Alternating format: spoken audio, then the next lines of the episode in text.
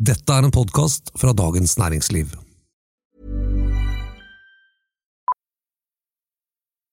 Millions of people have lost weight with personalized plans from Noom, like Evan, who can't stand salads and still lost 50 pounds.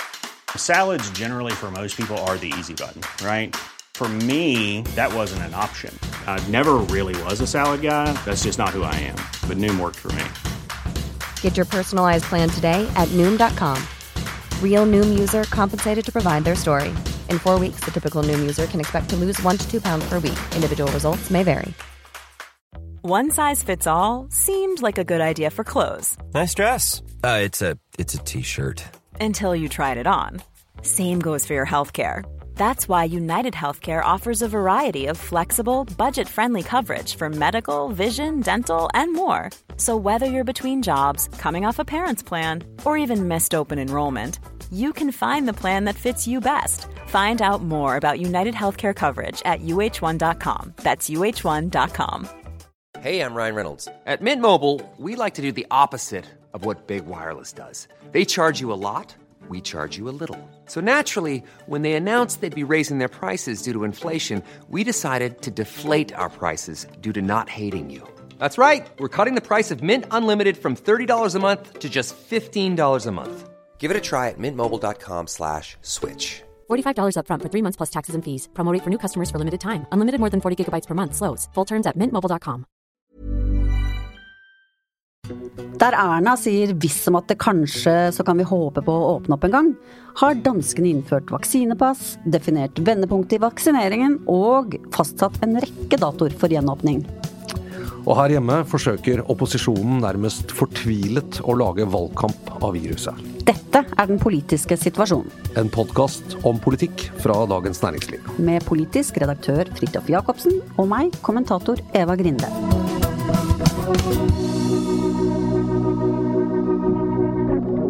Eva, i går eh, fra Stortingets talerstol så la Erna Solberg frem en, det hun kalte da, en gjenåpningsplan for Norge.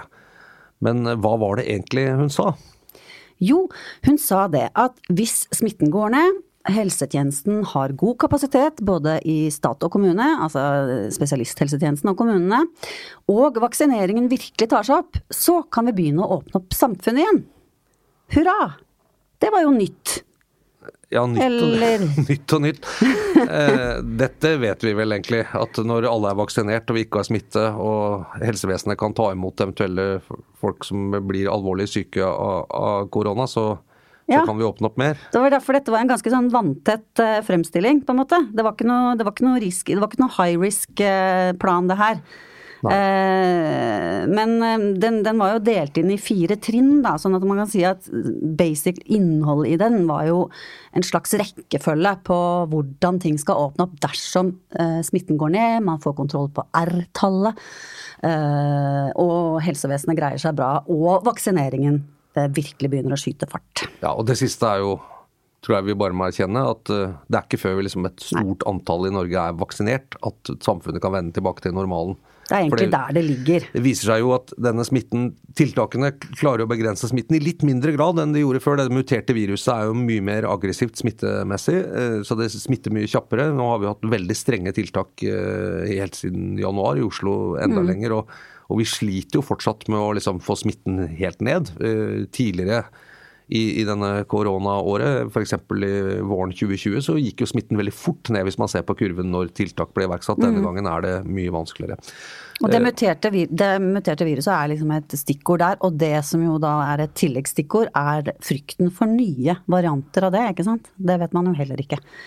Nei, det er veldig lumsk. Vi kan jo tenke at vi får et enda mer smittsomt virus, eller et virus som uh, gjør at uh, grupper som i dag kanskje bare blir mildt syke, blir ordentlig syke og må på sykehus, på intensivplass eller respirator eller den type ting, som da kommer inn i punkt to, nemlig har vi nok kapasitet til å ta unna eh, større sykdomsutbrudd. Vi ser det jo i Brasil, ikke sant? Der er det jo helt krise nå med, det- med det brasilianske øh, viruset. Sånn at det er jo ikke noe vanskelig å forstå at regjeringen ikke har lyst til å si da, 17. mai, da er alt klart. Da kan vi liksom Ja, Footloose Fancy Free. Det, det, fordi det er mange usikkerhetsmomenter. Samtidig så, de, så var det et sånt mantra som har gått igjen, da, som de tydeligvis har snakket om og lært seg, og det var liksom data før dato. Um, og det er veldig Det kan man jo skjønne, ikke sant. Du kan ikke som sagt sette denne datoen helt uavhengig av hva som skjer. Men samtidig så sa hun heller ingenting om hvor lavt ned må smitten komme. Hvor langt må vi være kommet i vaksineringen for at Det var ikke tallfestet noen av de dataene heller, da, på en måte. Sånn at eh, det ble også hengende litt i lufta. Men de tallene må jo finnes? Ja, de bør jo det, men samtidig så, så, tror jeg det er så komplisert fordi de må virke sammen. Altså, vi har jo hatt den derre eh, greien i det offentlige rom nå, det siste med Nakstad, som gikk ut og sa at eh, det må være maks 200 smittede per døgn en lang stund før vi kan begynne å tenke på gjenåpning, ikke sant. Og så hadde du Camilla Stoltenberg som, som sa at R-tallet må ned godt, og, godt under én i ukevis, helst i måneder, før vi kan begynne å tenke på å åpne opp. Uh, ingenting av dette ble gjentatt av regjeringen, og den som på en måte kan samle alle disse rådene om de grensene til en politikk, det er jo regjeringen. Og jeg syns ikke de leverte på det på onsdag. Nei, jeg, jeg, hørte også fremleggelsen, og jeg må si at uh, nå, nå, kom det liksom fort her av gjenåpningsplanen og sånn. Jeg, jeg, vil si at det var ikke, Nei, det var, si, det var politisk kommunikasjon. Man kan til og med kalle det spinn. For det vi egentlig hørte, var at det var en strukturert framstilling av hvordan vi håndterer smitte og hva som ligger til grunn for å lempe på tiltak. Ja, og, og rekkefølgen. Eh, ja, men helt logisk. Altså, vi, ja. vi, vet jo det at uh, når smittetallene går ned, så vil det noen ting bli åpnet litt gradvis. Altså, det blir mulighet til å samles litt flere, litt flere besøk. Uh, kanskje man kan gjenoppta skjenking fram til klokka ti om kvelden med matservering. Altså alle de tingene som vi egentlig kjenner ganske godt fra koronahåndteringen det siste året. Det nye var kanskje at de var litt mer sånn gruppert i fire nivåer. Og at vi da kan liksom feire når vi går fra et nivå til et annet, istedenfor at det er litt sånn løpende Nå mm. er det litt tiltak her og tiltak der. Men så var det en annen ting som også vel ikke var så tungt kommunisert, men som ble sagt. Og det var at selv om dette er jo nasjonale nivåer, eh, men man har jo i tillegg lokale nivåer i områder med mye eller smitte, i hvert fall. Dette er en slags minstetiltakspakke som alle må ha ikke sant, i landet. men men eh, for de som bor på Østlandet f.eks., så kan jo situasjonen være fortsatt streng, selv om det nasjonale nivået går ned, fordi det er lokale tiltak på ja. toppen. Og de kan, de, de kan, jo bare bli strengere, selvfølgelig. ikke sant? Du har nasjonale som gjelder alle. Og hvis de kommunale, regionale skal gjøre noe annet, så må det være for å stramme inn. De kan ikke vedta at her eh, her i Finnmark skal vi ikke ha skjenkeforbud. Det går ikke. Ikke?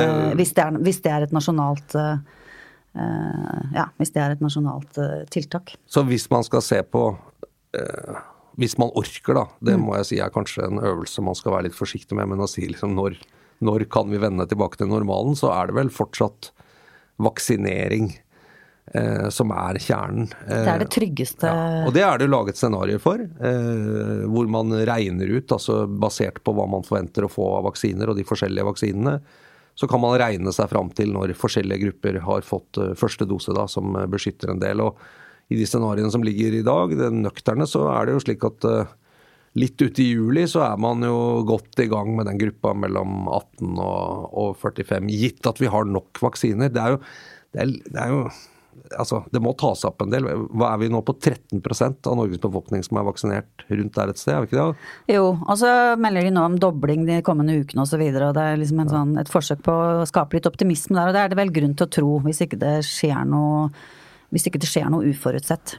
Så, Nei. AstraZeneca f.eks. ligger jo kanskje, så vidt jeg forstår, så kan det jo godt hende at den bare ryker ut av hele vaksineringsprogrammet. Jeg tror kanskje det, men det tror jeg er litt fordi vi har eh, de, de, også har med i beregningen at vi har råd til det på et vis. Fordi at nå kommer det jo flere, ikke sant. For noe av det med EU-avtalen er jo at det var avtale med mange forskjellige produsenter, sånn at man kunne faktisk, ikke sant det kunne skjære seg med én eller to uten at man sto der uten vaksiner. Det er noe av, noe av, det som er bra med tankegangen rundt den avtalen. Sånn at eh, det FHI har sagt i hvert fall, da, eller Folkehelseinstituttet, er jo at eh, hvis man ser bort fra AstraZeneca, så vil eh, hele vaksineringsprosessen bli utsatt med én til to uker. Så det, men man skal jo helst ikke ha en til da, som oppfører seg sånn eller faller fra eller produksjonsproblemer osv. Så, videre. så Nei, det er jo gitt at alt annet i scenarioet slår, til, slår til. Og, ikke sant? Og, og, at det heller ikke dukker opp altså bivirkningsproblematikk lignende eller tvil som vi har sett rundt AstraZeneca. Men, eh, men det er jo i og for seg godt dekket. Hvis vi skal prøve å se litt på politikken i dette her, da. Eh, eh, fordi altså, tiltakspakke og liksom gjenåpningsplan og sånn er jo litt sånn helsemyndighetsråd og sånn. Men, men, det politiske i det, som jeg oppfatter, var vel at ved å presentere dette som en plan for gjenåpning, eller en kart for gjenåpning, eller slags sånn hva kaller man sånn roadmap, eller, mm. eller eller eh, med noen sånne milepæler etc., så, så kommuniserer man jo politisk. Og jeg vil tro at eh, det kan jo være to grunner til at man velger å kalle dette en gjenåpningsplan framfor liksom en redegjørelse for hvordan man administrerer tiltak. Det ene er jo å gi folk håp. Altså, ja hvis man skal holde ut dette her og også, også, etterleve smittevern, som nordmenn generelt er ganske gode på, og det er ganske stor oppslutning rundt det å ha strenge tiltak, så vidt jeg forstår, når de måler det, eh, så må man på en måte vise at det er en gevinst igjen, nemlig et vanlig liv. Noenlunde vanlig liv. og da, da kan man liksom pakke det inn på denne måten. Eh, og det andre er vel, eh, og selvfølgelig som det har vært hele tiden, at det er viktig for regjeringen å fremstå som at de har kontroll på situasjonen en situasjon som er egentlig veldig kaotisk og mm. ukontrollerbar, særlig da med muterte virus osv. Men, men, men vi, vi, orker ikke, og det, liksom, det, blir typisk en regjering og en stats oppgave å si at vi har kontroll selv om situasjonen er vanskelig. og vi, vi, forteller dere hva dere skal gjøre, så kommer dette til å gå bra. Men samtidig så, blir, så, så, får du da svakheten i den planen, ikke sant? fordi de sier på en måte rammen er dette. Eh, gjenåpning, håp, lys i tunnelen, et nytt liv, vi skal få tilbake livet vårt. Men samtidig så, så leverer de jo ikke på innholdet der på grunn til håp. de på en måte kommuniserer akkurat den samme usikkerheten.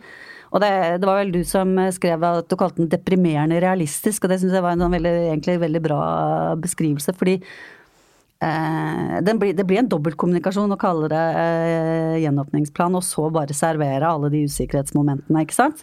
Og samtidig så er det farlig å gjøre noe annet, sånn som man kan jo se i kontrast til Danmark f.eks., som har valgt en helt annen måte å, å lage denne planen på.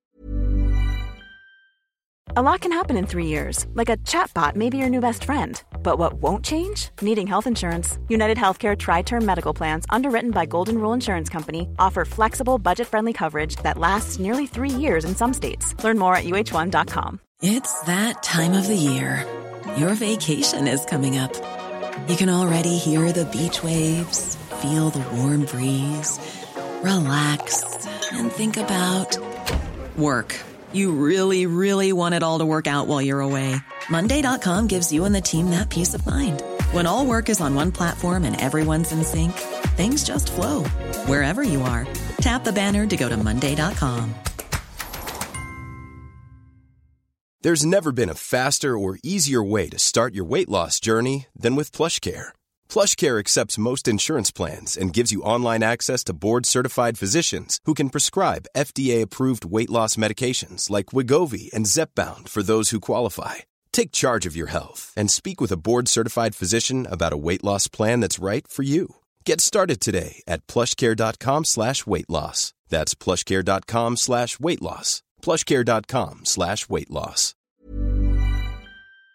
Jeg Fortell litt om det, for det, det fins en annen koronaverden enn den vi opplever her hjemme, ja. selv i Danmark, som er ganske likt oss. Ja, altså der, der er der, Jeg tenker at det handler Jeg tror egentlig det kanskje primært handler om hvordan de har valgt å kommunisere, og litt også om hvordan de har valgt å samarbeide. Fordi eh, allerede i februar så vedtok jo, vedtok jo Folketinget at eh, med, med unntak av ett parti på høyresiden eh, at eh, en gjenåpningsplan altså Alle partiene var enige, og der hadde jo eh, visstnok statsminister Mette Fredriksen hatt møter med hvert og ett parti på forhånd. Altså det var veldig sånn Hva heter det? Forankret, ikke sant. Altså det var veldig sånn Det var tydelig at det ble, det ble sett på som viktig å få med seg alle.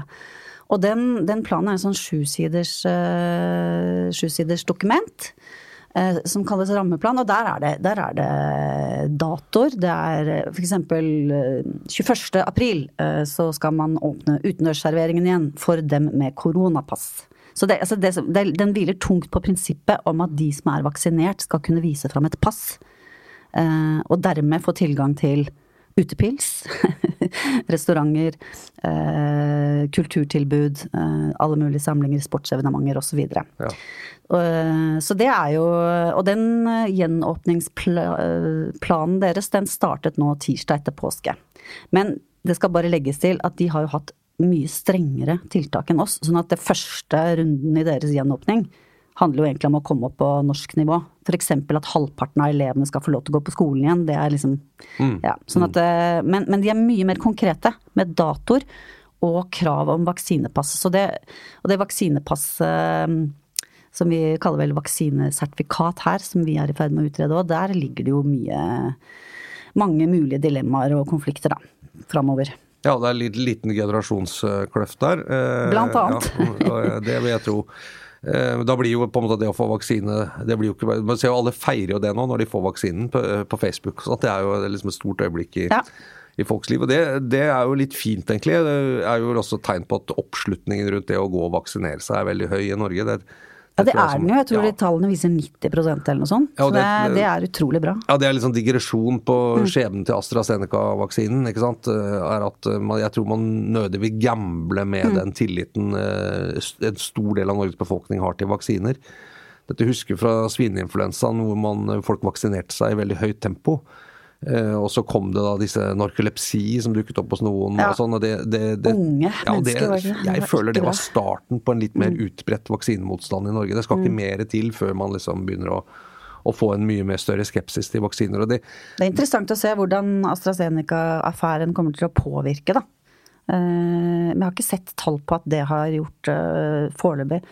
Nei, altså, Den stoppet jo veldig fort. Ja, den stoppet, ja. ja men altså, blir jo ideen om at vaksiner kan oppføre seg mm, sånn, mm. kan jo i seg selv, selv om de stopper akkurat den, ikke sant, kan, kan jo tenkes å ha en sånn ja, der ser du hvordan vaksiner holder på. Jeg tror det, jeg tror, og det er også en utpreget politisk vurdering. Nå ser Mye av den debatten er veldig sånn på helse, hvor noen sier sånn ja, men det er jo farligere å kjøre bil. Eller, ikke sant? Det, er, det, ikke sant? det er masse som er farligere, og, ja, ja. andre medikamenter gir jo større bivirkningsgreier. Det tar vi uten å mukke p-piller f.eks. gir jo økt risiko for mm. blodpropp osv. Og, så og, og dette her er jo mye mindre farlig, hvorfor gjør man ikke det? Men jeg tror her kommer liksom de politiske vurderingene inn, nemlig det at du må se det som en større ting. Det å, det å liksom gamble med en, med en, stor tiltro til vaksiner i Norges befolkning ved å liksom forsere dette her. Hvis, hvis, det er som de sier at dette bare betyr en uke eller to forsinkelse i hele programmet, eh, så, eh, så kan jo kostnaden ved å ta AstraZeneca helt ut Eh, eh, på en måte være mye mindre ja. enn det du risikerer ved at uh, i, kanskje vi trenger å vaksinere oss på nytt mot et nytt mutert mm. virus en eller annen gang til neste år, og så er det bare Eh, altså er det ikke 90% så er det kanskje 70% som gjør det, og da vil du jo ha smittespredning mm. osv. Jeg håper virkelig ikke ja. de setter inn igjen den. Jeg tror det er lurt å la være. Og Det syns jeg også er nok et tegn på at Camilla Stoltenberg, som leder Folkehelseinstituttet, hun og det har imponert meg litt i denne situasjonen. som, Koronahåndteringen er jo ikke en ren bare helsefaglig håndtering, det er jo en utpreget politisk eh, oppgave. Men hun, hun, viser å ha ganske stor forståelse for den dimensjonen.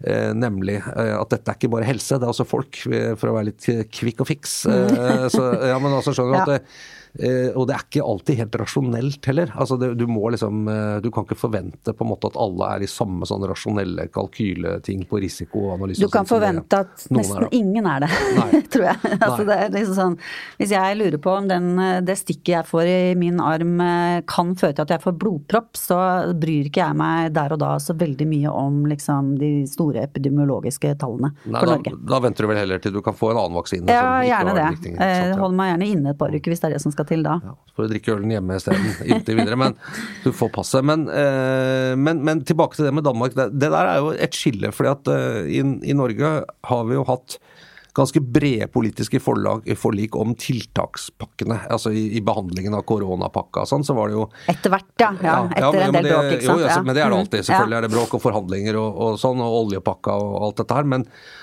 men, eh, men, det har jo vært viktig for regjeringen å forankre bredt. Mm. Eh, men når det gjelder selve håndteringen av gjenåpning, smittevern, smittevernsregime, vaksineprogram og sånt, så har det vært mye mer autoritært. Da kommer liksom Erna kommer til Stortinget og sier sånn blir det. Ja.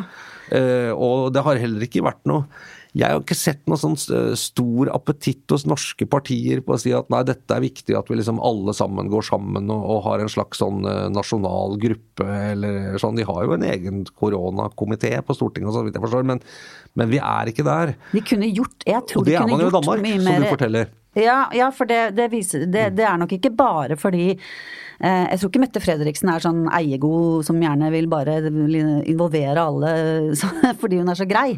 Jeg tror det har vært et visst press ikke sant, fra de, fra de partiene om å få bli med. Og mm. der, sammenlignet med, med den norske opposisjonen, så har vel den egentlig vært ganske slapp på det. Nesten med unntak av SV, som jo var ganske tidlig ute og mente at disse tiltakene som ble vedtatt, måtte forankres i Stortinget. Det ble det jo en liten diskusjon om, og så er liksom alle enige om at nei, det er veldig dumt å gjøre midt i en krise. Men så når den krisen på en måte blir et maraton og ikke en sprint lenger, altså når det holder på i ett til to år, så kan det hende at man likevel skulle For det, det handler om å endre smittevernloven, da. Sånn at Eh, smitteverntiltak skal godkjennes av Stortinget i etterkant. Mm. Ikke sånn at man skal inn og diskutere i månedsvis mens alle dør rundt deg og sånn. Det hadde vært dumt. Men en, en slags eh, etterpåkontroll som er formalisert, og det tok SV til orde for og fikk ikke der var det veldig sånn forståelse for regjeringens argument om at det kan vi ikke gjøre midt i en eh, pandemi. og jeg, jeg, kan tenke meg at liksom å stå utenfor oss og liksom se regjeringen liksom i, i sammen med Gullvåg og Stoltenberg og Nakstad. Så det har vært en temmelig sånn uinntagelig borg, tror jeg, for opposisjonspartiene. Ja da, og Solbergs uh, statsminister sånn approval rating har jo vært høy også gjennom ja. dette. Stort sett jeg, det er nok derfor par, de kunne har kunnet holde på sånn også. Et par hypoteser. Det er klart mhm. Stortinget kunne tvunget dette gjennom hvis de ville det, men, men noen ting som jeg tror kan, kanskje kan forklare det. Nå er vi litt på hypotesekjøret her, men det, det, kan vi jo være i den politiske ja, situasjonen. Ja, vi pleier å være litt der. Vi, eh, Norge står rett foran et stortingsvalg. Eh, Danmark gjør ikke det. Eh, det, vil si at, eh, det vil si at det å på en måte binde seg nå til regjeringens smittevernstrategi, jeg, jeg tror gevinsten for at man klarer å ta Norge trygt gjennom korona, vil tilfalle regjeringen.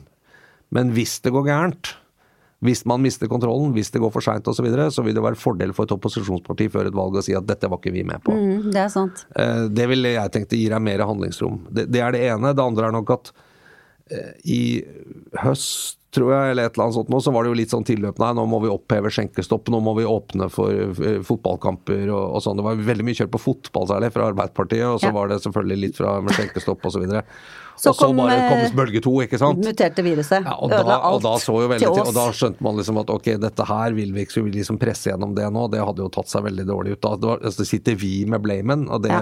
ville jo vært sånn. Og de har jo ikke informasjonen heller, Nei. ikke sant. Sånn at eh, de, de, de, Ja, det skjønner jeg. Jeg er litt enig i det. At det kan være liksom behagelig å gi hele ansvaret der, da. Ja, og så, og så er jo situasjonen også sånn at ikke sant, den, den rød-grønne blokken, hvis man skal kalle det det, da, eh, eller ikke-borgerlige, eller hva man skal definere dette litt sammen sammenraskede laget på den siden av streken, ja. som, de leder ganske klart.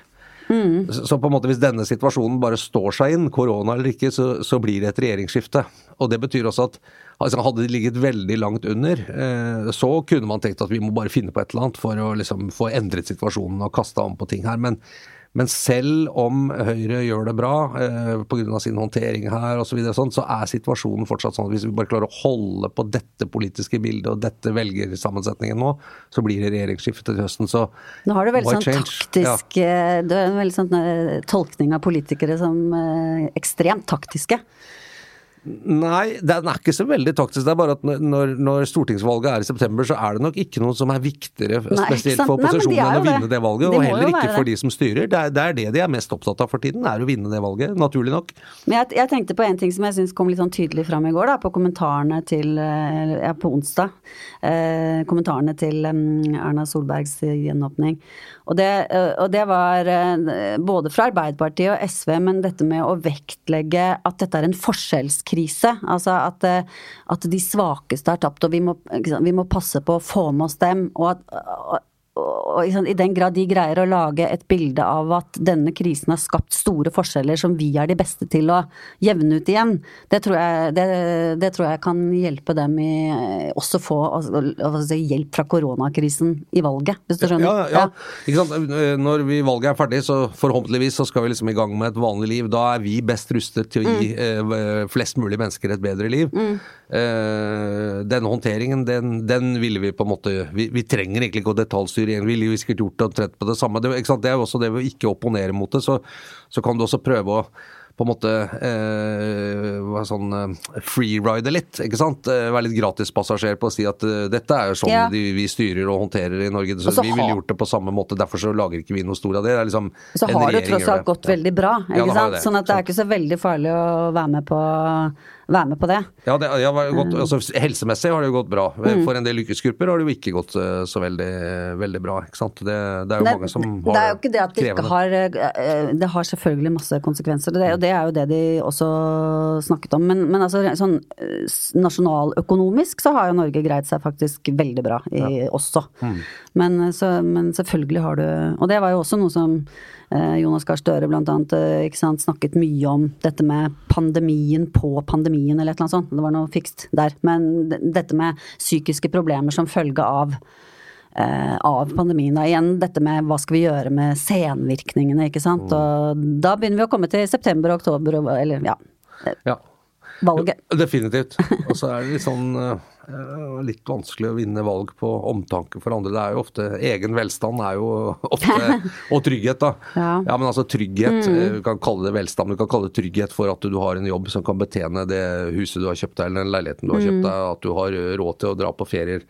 Eh, Som andre liksom, eh, barn i klassen eller slektninger har, at du, at du kan gjøre hyggelige ting med foreldrene dine. At du kanskje har råd til en hytte. Altså Men hva var det du mente nå, at det, stø, stø, det å ha han å trekke fram de med, som har fått syr, at det er dumt? At det ikke er noen vinner, liksom? Er det Nei, det nei det, altså, det er nok det er riktig, og det er en illustrasjon liksom, på forskjell. Så det er jo hans, eh, nå er det vanlige folks tur, er jo Arbeiderpartiets eh, Mm. slagord nå. ikke sant? Og det, det å liksom peke på at eh, svake grupper er bedre ivaretatt med oss osv., det, det gir jo et slags moralsk overtak. Men, men, men de store Mm. velgergruppene i Norge, eh, det er jo middelklassevelgere i, i by og bygd. da. Eh, og de... eh, og de eh, vil jo, ikke sant, de er jo, er jo opptatt av sin egen trygghet og muligheten til å kunne fortsette å leve det livet de liker å leve, som i Norge for mange store grupper er et relativt eh, godt materialistisk og rikt liv, ikke sant, med, med stor grad av trygghet både i helsevesenet og, og andre sånne ting. Og det, og det å sørge for å, liksom å si at uh, du skal fortsette liksom å få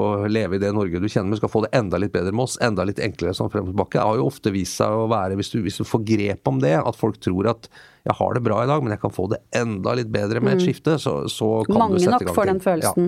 Ja. Og Senterpartiet har- jo ikke sant, Det det er er En av de tingene de har lykkes med, er å på en måte Det er jo I alt dette med by-land-konflikten er ikke bare å si at eh, liksom, eh, stopp for jævliseringa. Altså, det, er, også et positivt budskap her. At liksom, med oss så vil du få det bedre og mer meningsfylt. Og, og samtidig som, som det du oppfatter at du er i ferd med å miste noe av det du har satt pris på som er trygt og godt i livet ditt liksom, eh, i, i distriktene, det skal vi sørge for at du får beholde. Det er ganske effektiv og god sånn bred velgerkommunikasjon, vil jeg si da. Eh, Vi får se, da. De Mm. sliter litt på målingene nå. Uh, I hvert fall det er noen tendenser til at på en måte Arbeiderpartiet kryper seg litt oppover igjen, og Senterpartiet mister noe av den der eh, voldsomme bølgen som de var på. At det skal liksom kalibrere seg noe. Ja, men det ligger jo fortsatt an til å bli et valg som på en måte overgår det meste av det man ville trodd for fire eller seks år siden. når det gjelder Det kan du si. Senterpartiet. Det kan du jeg tror de tar det ganske Det er litt som Høyre før 2013 lenge var liksom Norges største parti osv. Da, da var det jo nærmest besatt fra ledelsen å si at det spiller ingen rolle om man blir størst, vi skal bare eh, Mm. komme i regjering.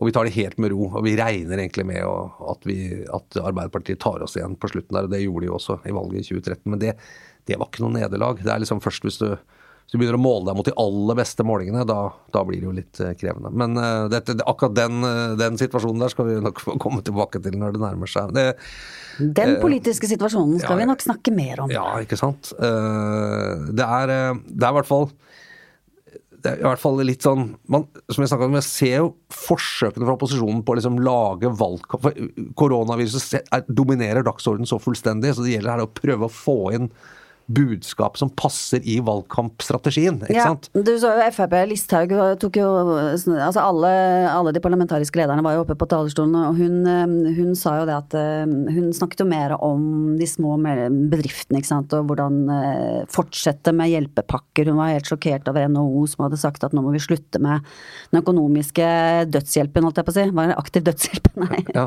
ja. Så fort vi kan, på en måte. ikke sant? Fordi man holder jo liv i en god del bedrifter som egentlig ikke har livets rett også. Vi har jo sett det. Det er jo langt færre konkurser enn vanlig, f.eks. i koronaåret.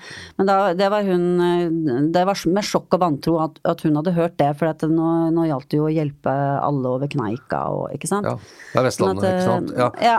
Uh, og, og i tillegg så Før eh, redegjørelsen var det spørretime. Da hørte jeg Erlend Wiborg fra Fremskrittspartiet uh, spurte arbeidsminister Torbjørn Røe Isaksen det der med Nav.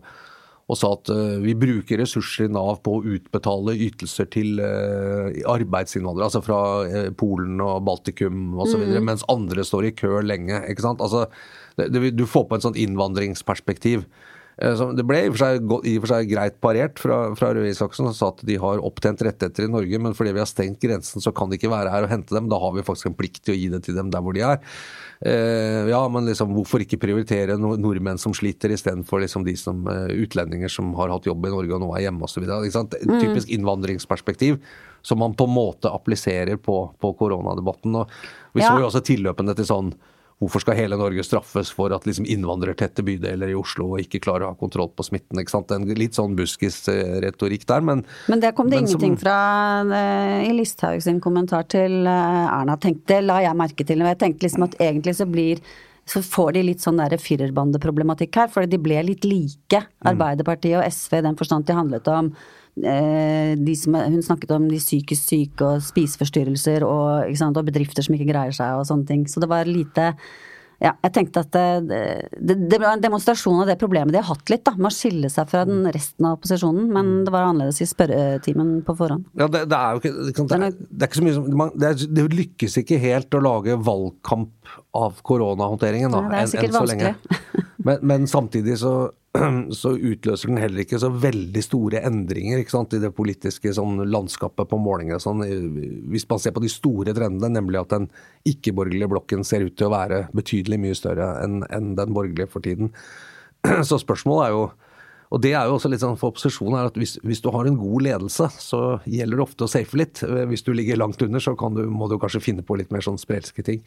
Eh, jeg Ja, ledelse på meningsmålingene, mener du? Ja, jeg tenkte på gode ledere. Ja, ja, nei, nå, nei, nå, tenkte jeg, nå tenkte jeg på Solid tallet. ledelse, ja. Sant? Hvis vi bare ikke roter til dette nå, så vinner vi. Ja.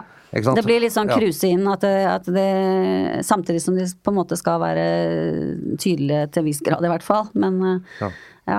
Og det- Og Frp har jo ikke tenkt seg inn i regjering, så de kan jo bare Ja, i hvert fall så er ikke det mål nummer én. Eller eh, det viktigste var vel å vokse seg større. Ja, Frp er jo, uhyre interessant, for det er jo jokeren egentlig i, i den der fordelingen mellom blokkene, er jo at hvis Frp gjennom sin nå mer sånn tabloide, spissa, friere kommunikasjon, hvor de ikke trenger å tenke så mye på det borgerlige samholdet. For det er, det er så lite igjen av denne stortingsperioden. så Det er et revidert budsjett. Det er liksom det som er igjen og må, må på plass. Eh, hvis de lykkes da med å hente tilbake alle velgerne, eller store deler av de velgerne de har mistet til Senterpartiet, eh, så er plutselig eh, det situasjonen mellom de to blokkene veldig mye jevnere. Det er vel der, det, det, er vel der det spenningen virkelig ligger. Altså de turkise, grønne og blå velgerne Ja, den- den- mellom Senterpartiet og Frp, og ikke de lilla mellom eh, Nei, og den er, litt, den er litt lei for Frp. Det virker som de har sett for seg at det kunne være helt greit for dem nå denne, om man får en ny regjering, for da er det enda lettere for dem å drive opposisjonspolitikk.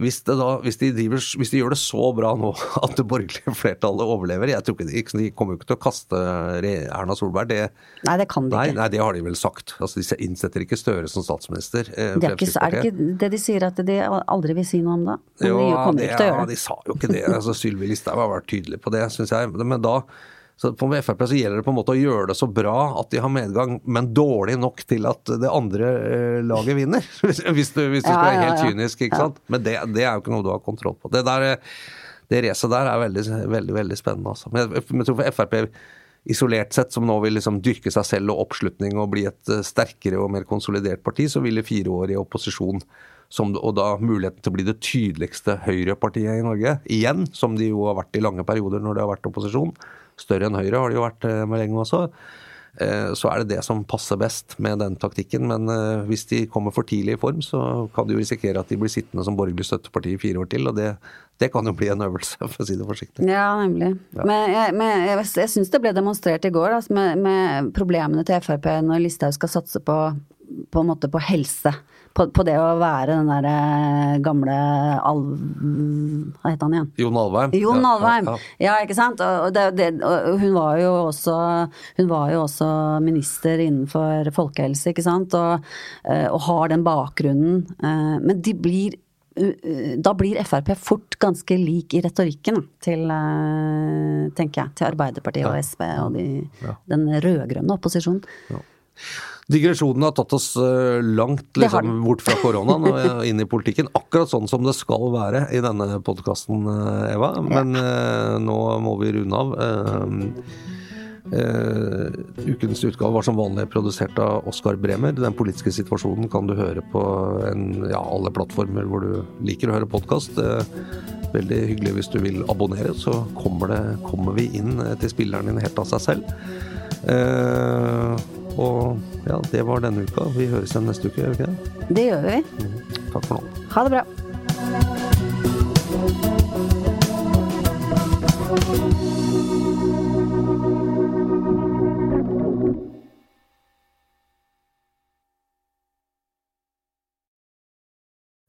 Du har nå hørt en podkast fra Dagens Næringsliv.